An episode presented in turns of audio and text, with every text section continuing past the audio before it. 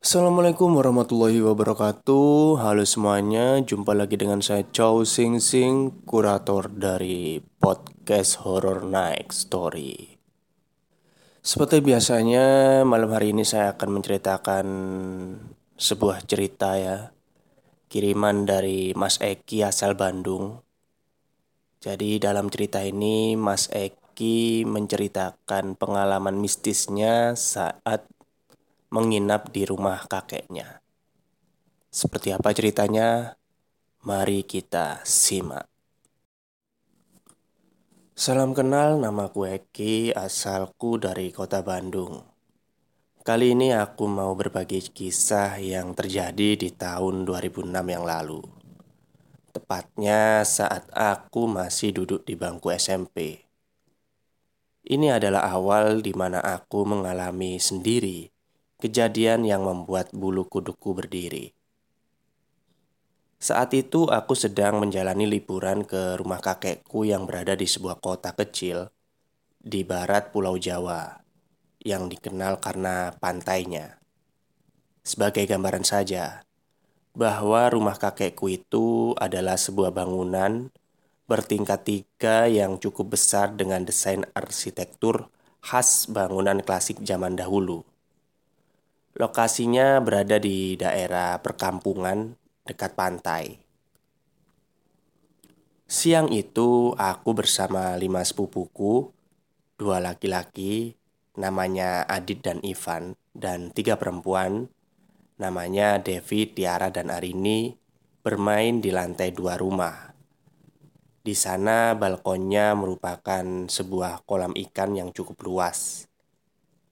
Awalnya kami semua bercanda, mengobrol berbagi cerita bersama sambil melihat ikan. Suasana rumah saat itu sedang sepi, karena biasanya jika siang hari memang kakek nenekku sedang berada di toko berjualan dan akan pulang sebelum maghrib. Sedangkan orang tuaku pasti ikut membantu di sana. Salah satu sepupuku kemudian mengusulkan untuk bermain petak umpet karena kondisi rumah yang lagi sepi. Singkat cerita, akulah yang kebetulan harus berjaga, dan yang lain mulai berpencar untuk sembunyi. Setelah hitunganku selesai, mulailah aku mencari sepupu-sepupuku itu. Setiap ruangan aku telusuri, mulai dari area sekitaran balkon, masuk ke ruang tengah, lalu menelusuri lorong menuju kamar-kamar. Saat aku menyusuri lorong sekitar 5 meteran, aku lihat ada sebuah mesin cuci yang bersandar pada tembok lorong, menghadap salah satu kamar. Dari celah mesin cuci itu, aku sepintas melihat seperti ada sosok bayangan hitam sedang duduk di samping mesin cuci. Aku mulai menebak itu siapa. Tapi begitu aku mendekat, yang kukira itu sepupuku tiba-tiba menghilang. Aku coba memeriksa sekitar mesin cuci itu, yang ternyata di belakangnya ada dua kamar mandi. Namun, saat aku buka, tidak ada siapa-siapa di sana. Aku lanjut mencari sepupuku di setiap kamar tetapi tetap tidak aku temukan. Sampai seluruh lantai aku periksa, namun aku tidak menemukan mereka. Hmm, pada di mana sih pikirku? Tidak lama setelah itu telepon rumah kakek berbunyi. Ternyata itu ibuku yang memberitahu di toko sedang bakar ikan dan aku diminta menyusul karena semua sepupuku ada di sana. Aku sedikit kesal karena ternyata mereka semua mengerjaiku dengan keluar rumah dan aku dibiarkan sendiri di rumah mencari mereka. Malam pun tiba. Waktu itu menunjukkan pukul tujuh malam. Kami pun pulang dari toko kakek. Saat itu aku pulang bersama Ivan berjalan kaki, sedangkan yang lainnya menggunakan ojek. Di perjalanan, Ivan berkata padaku bahwa ia ingin pulang dulu mengambil baju karena akan menginap di rumah kakek. Rumahnya tidak jauh dari arah rumah kakek, hanya berbeda gang saja. Ivan pun menyuruhku pulang duluan dan jangan masuk dulu ke kamar yang akan kami tiduri di lantai tiga. Karena ada yang mau ia ceritakan kepadaku. Sesampainya di rumah, aku melihat semua keluargaku sedang menonton TV di ruang keluarga lantai satu. Termasuk semua sepupuku, kecuali Ivan yang tadi pulang duluan. Tanpa berpikir panjang, aku langsung naik ke lantai tiga menuju kamarku untuk berganti baju. Dan aku tidak memperdulikan ucapan Ivan tadi. Saat menaiki tangga menuju lantai dua, aku melihat suasana di sana cukup hening. Hanya lukisan besar bergambar seorang wanita tua terpajang di tembok pavilion lantai dua itu. Ya, lukisan itu kesayangan kakekku. Aku pun lanjut melangkahkan kaki menuju tangga lantai tiga. Saat aku akan menaiki tangga, mataku menoleh ke arah lorong di samping tangga yang nampak gelap saat itu, dan terdengar ada suara seperti memanggil. Shh, shh, shh. Aku tidak tahu siapa itu. Karena cuek, aku pun tidak menghiraukannya. Sesampainya di kamar, aku mulai berganti baju. Namun, tiba-tiba ada yang mengetuk jendela. Karena aku malas membuka tirai gorden, aku pun berteriak. Gak usah iseng, Devan. Masuk aja lah, cepet. Aku yakin itu Ivan yang iseng karena di antara sepupuku, yang paling jahil adalah dia. Mungkin dia mau menakut-nakutiku. Tapi jendela itu terus diketuk dengan ketukan yang semakin keras. Sampai aku kesal dan muncul niat jahilku. Aku lihat ada sebotol air mineral. Dan aku berniat langsung mengagetkan Ivan sambil menyiram air itu ke mukanya. Aku kemudian membuka pintu kamar dan langsung ke arah pintu jemuran di sebelahnya. Karena di balik jendela kamarku itu adalah halaman jemuran, dan aku yakin Ivan bersembunyi di sana. Namun, saat aku hendak membuka pintu, aku kaget setengah mati karena posisi pintu itu terkunci dari dalam. Artinya, jika itu Ivan, dia lewat mana? Kulihat halaman jemuran itu gelap, sehingga tidak jelas siapa yang berdiri di balik jendela kamarku itu. Ada rasa ragu dalam diriku untuk membuka pintu itu. Ditambah, tubuhku ini mulai merinding hebat. Kakiku terasa berat dilangkahkan tapi aku pun nekat untuk memberanikan diri mendekatkan wajahku ke jendela untuk memastikan siapa yang berdiri di depan jendela kamarku. Namun, baru saja aku menempelkan wajahku ke jendela, aku dibikin kaget karena di saat yang sama sosok itu juga mendekatkan wajahnya ke jendela, sehingga jarak wajah kami sangatlah dekat. Aku lihat sosok itu terbungkus kain putih dengan mata melotot. Seketika itu aku berlari sekencang-kencangnya, turun ke lantai satu. Melihat aku ngos-ngosan, keluargaku bertanya, kenapa lari-lari? Aku mencoba tidak menceritakannya dulu, karena takut menjadi gaduh dan panik keluargaku.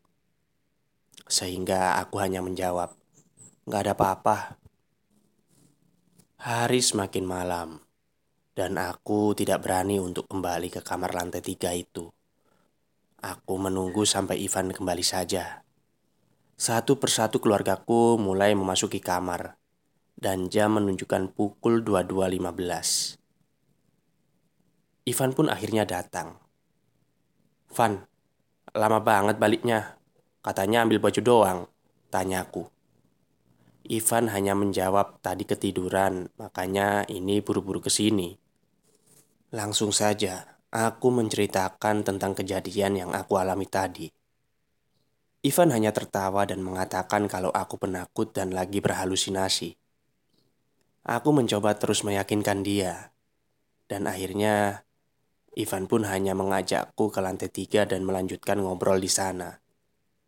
Walaupun sedikit masih merasa takut, aku mengikuti dia.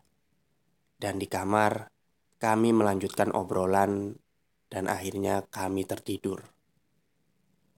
Entah berapa lama aku tidur sampai akhirnya aku terbangun saat merasa seperti ada yang menggerak-gerakkan kakiku. Ketika aku membuka mata dan mencoba berbalik karena tidurku tengkurap, badan ini terasa berat, susah digerakkan. Untuk bicara pun susah. Wah, ini kena erp-erp kataku. RP-RP itu semacam tindihan gitu ya. Aku mencoba menolehkan mata ke arah punggungku. Dan yang bikin aku kaget, aku melihat sosok terbungkus kain putih sedang menduduki kakiku. Namun tidak jelas wajahnya karena dia membelakangi posisi. Seketika aku panik, bingung untuk bisa bergerak. Aku baca surat-surat Al-Quran yang aku hafal sambil mataku melirik mencari Ivan. Namun yang aku sadar di sana, ternyata aku sendirian. Aku terus membaca doa yang aku bisa sambil memejamkan mata. Setelah sekian lama, akhirnya mulailah badanku bisa digerakkan. Dan saat ku tengok, sosok itu sudah menghilang. Malam itu aku tidak bisa tidur dan memutuskan pindah ke lantai satu untuk tidur di kursi ruang tamu saja. Keesokan hari saat bangun, aku bertanya ke Ivan, "Semalam ke mana?" Dia hanya menjawab pindah tidur ke lantai dua karena di lantai tiga panas gerah, bikin susah tidur. Aku menceritakan kembali ke Ivan dan ia hanya menyarankan jika tidur berdoa dulu. Hari itu aku masih kepikiran kejadian demi kejadian yang aku alami. Karena tidak puas, aku coba cerita ke sepupuku yang lain. Tapi jawaban mereka lebih cuek. Seolah-olah bukan hal yang perlu ditakuti. Mereka pun malas untuk meladaniku cerita. Tak terasa waktu sudah memasuki malam. Aku memutuskan untuk ikut dengan Ivan tidur di kamar lantai dua. Di depan kamar mandi yang ada mesin cucinya itu. Memang, suasana di kamar ini jauh lebih adem. Tidak seperti di kamar lantai tiga. Kami pun lanjut mengobrol sambil mendengarkan musik. Tiba-tiba terdengar seperti ada suara berisik dan gaduh di lantai tiga. Ivan bilang suaranya dari arah kamar. Apa mungkin sepupu-sepupuku sedang berkumpul di atas? Tanyaku. Ivan kemudian mengajakku untuk mengecek. Ayo Ki, kita lihat. Takutnya ada orang jahat masuk lewat pintu jemuran. Emang pintunya lupa nggak dikunci? Tanyaku. Ya, kali aja Bik Neneng lupa nguncinya, soalnya habis angkat jemuran. Jawab Ivan. Kami pun berjalan perlahan, melangkahkan kaki menaiki tangga ke kamar itu. Semakin dekat kami dengan kamar itu, semakin jelas terdengar suara gaduh berasal dari sana. Ketika kami sampai di depan kamar, pintu kamar dalam dalam keadaan tertutup. Ivan kemudian bertanya, "Kalau ini maling gimana?" Aku hanya bilang, "Kita pukulin bareng aja, Van." Akhirnya kami terus mendekat, semakin dekat dengan pintu. Saat sudah tepat di depan pintu, Ivan lalu langsung membuka pintu itu. Kami berdua kaget luar biasa karena di kamar itu tidak ada siapa-siapa. Sampai akhirnya kami mendengar ada suara seperti memanggil. Shh, shh, shh. Arah suara itu berasal dari lemari yang ada di sebelah kami. Begitu kami menoleh, terlihat di atas lemari ada sosok pocong tengah duduk menjuntaikan kakinya, sambil matanya melotot memandangi kami. Seketika kami berdua berlari, ketakutan sambil berteriak. Teriakan kami membangunkan isi-isi rumah. Kami menceritakan apa yang kami alami. Dari situ, kakek dan nenekku berbicara kepada orang tuaku bahwa kejadian seperti itu sudah sering dialami mereka dan bukan cuma aku dan Ivan yang mengalami. Beberapa kerabat serta saudara yang tidur di lantai tiga memang sering diganggu. Terakhir ada anaknya Uwa yang tinggal di beda kota melihat ada tiga orang wanita memakai kebaya ungu di sanggul. Mereka malam-malam berdiri di ujung halaman jemuran, memandang ke bawah jalan dari lantai tiga. Kemudian beberapa minggu lalu ada tetangga yang melihat keranda mayat terbang di atas lantai tiga rumah kakek. Dan jika siang hari rumah sedang sepi, banyak tetangga yang sering kebetulan melewati rumah kakek melihat ada sosok wanita berdiri di lantai tiga rumah dengan tatapan tajam ke arah mereka. Ivan pun akhirnya cerita Sebenarnya beberapa hari sebelum aku datang termasuk alasan ia pindah ke kamar bawah bukan karena alasan panas, tetapi karena ia beberapa kali melihat ada seorang wanita berambut panjang berjalan menembus tembok dari arah jendela. Cuma karena takut dianggap penakut, ia tidak mau bercerita kepada siapa pun. Dan hingga kini Kejadian yang aku dan Ivan alami di rumah kakek menjadi misteri. Oke, terima kasih kepada Mas Eki yang sudah mau mengirimkan pengalaman mistisnya kepada podcast Horror Next Story. Dan semoga misteri di rumah kakek Anda segera terpecahkan, segera selidiki lalu nanti pengalamannya bisa dikirim ke podcast Horror Next Story lagi. Oke, begitu saja untuk malam ini. Semoga para pendengar tidak bosan mendengarkan suara saya dan semoga sehat saja ya karena COVID-19 di Jawa Barat katanya semakin meningkat. Baik, itu saja yang bisa saya sampaikan. Selamat malam dan selamat beristirahat.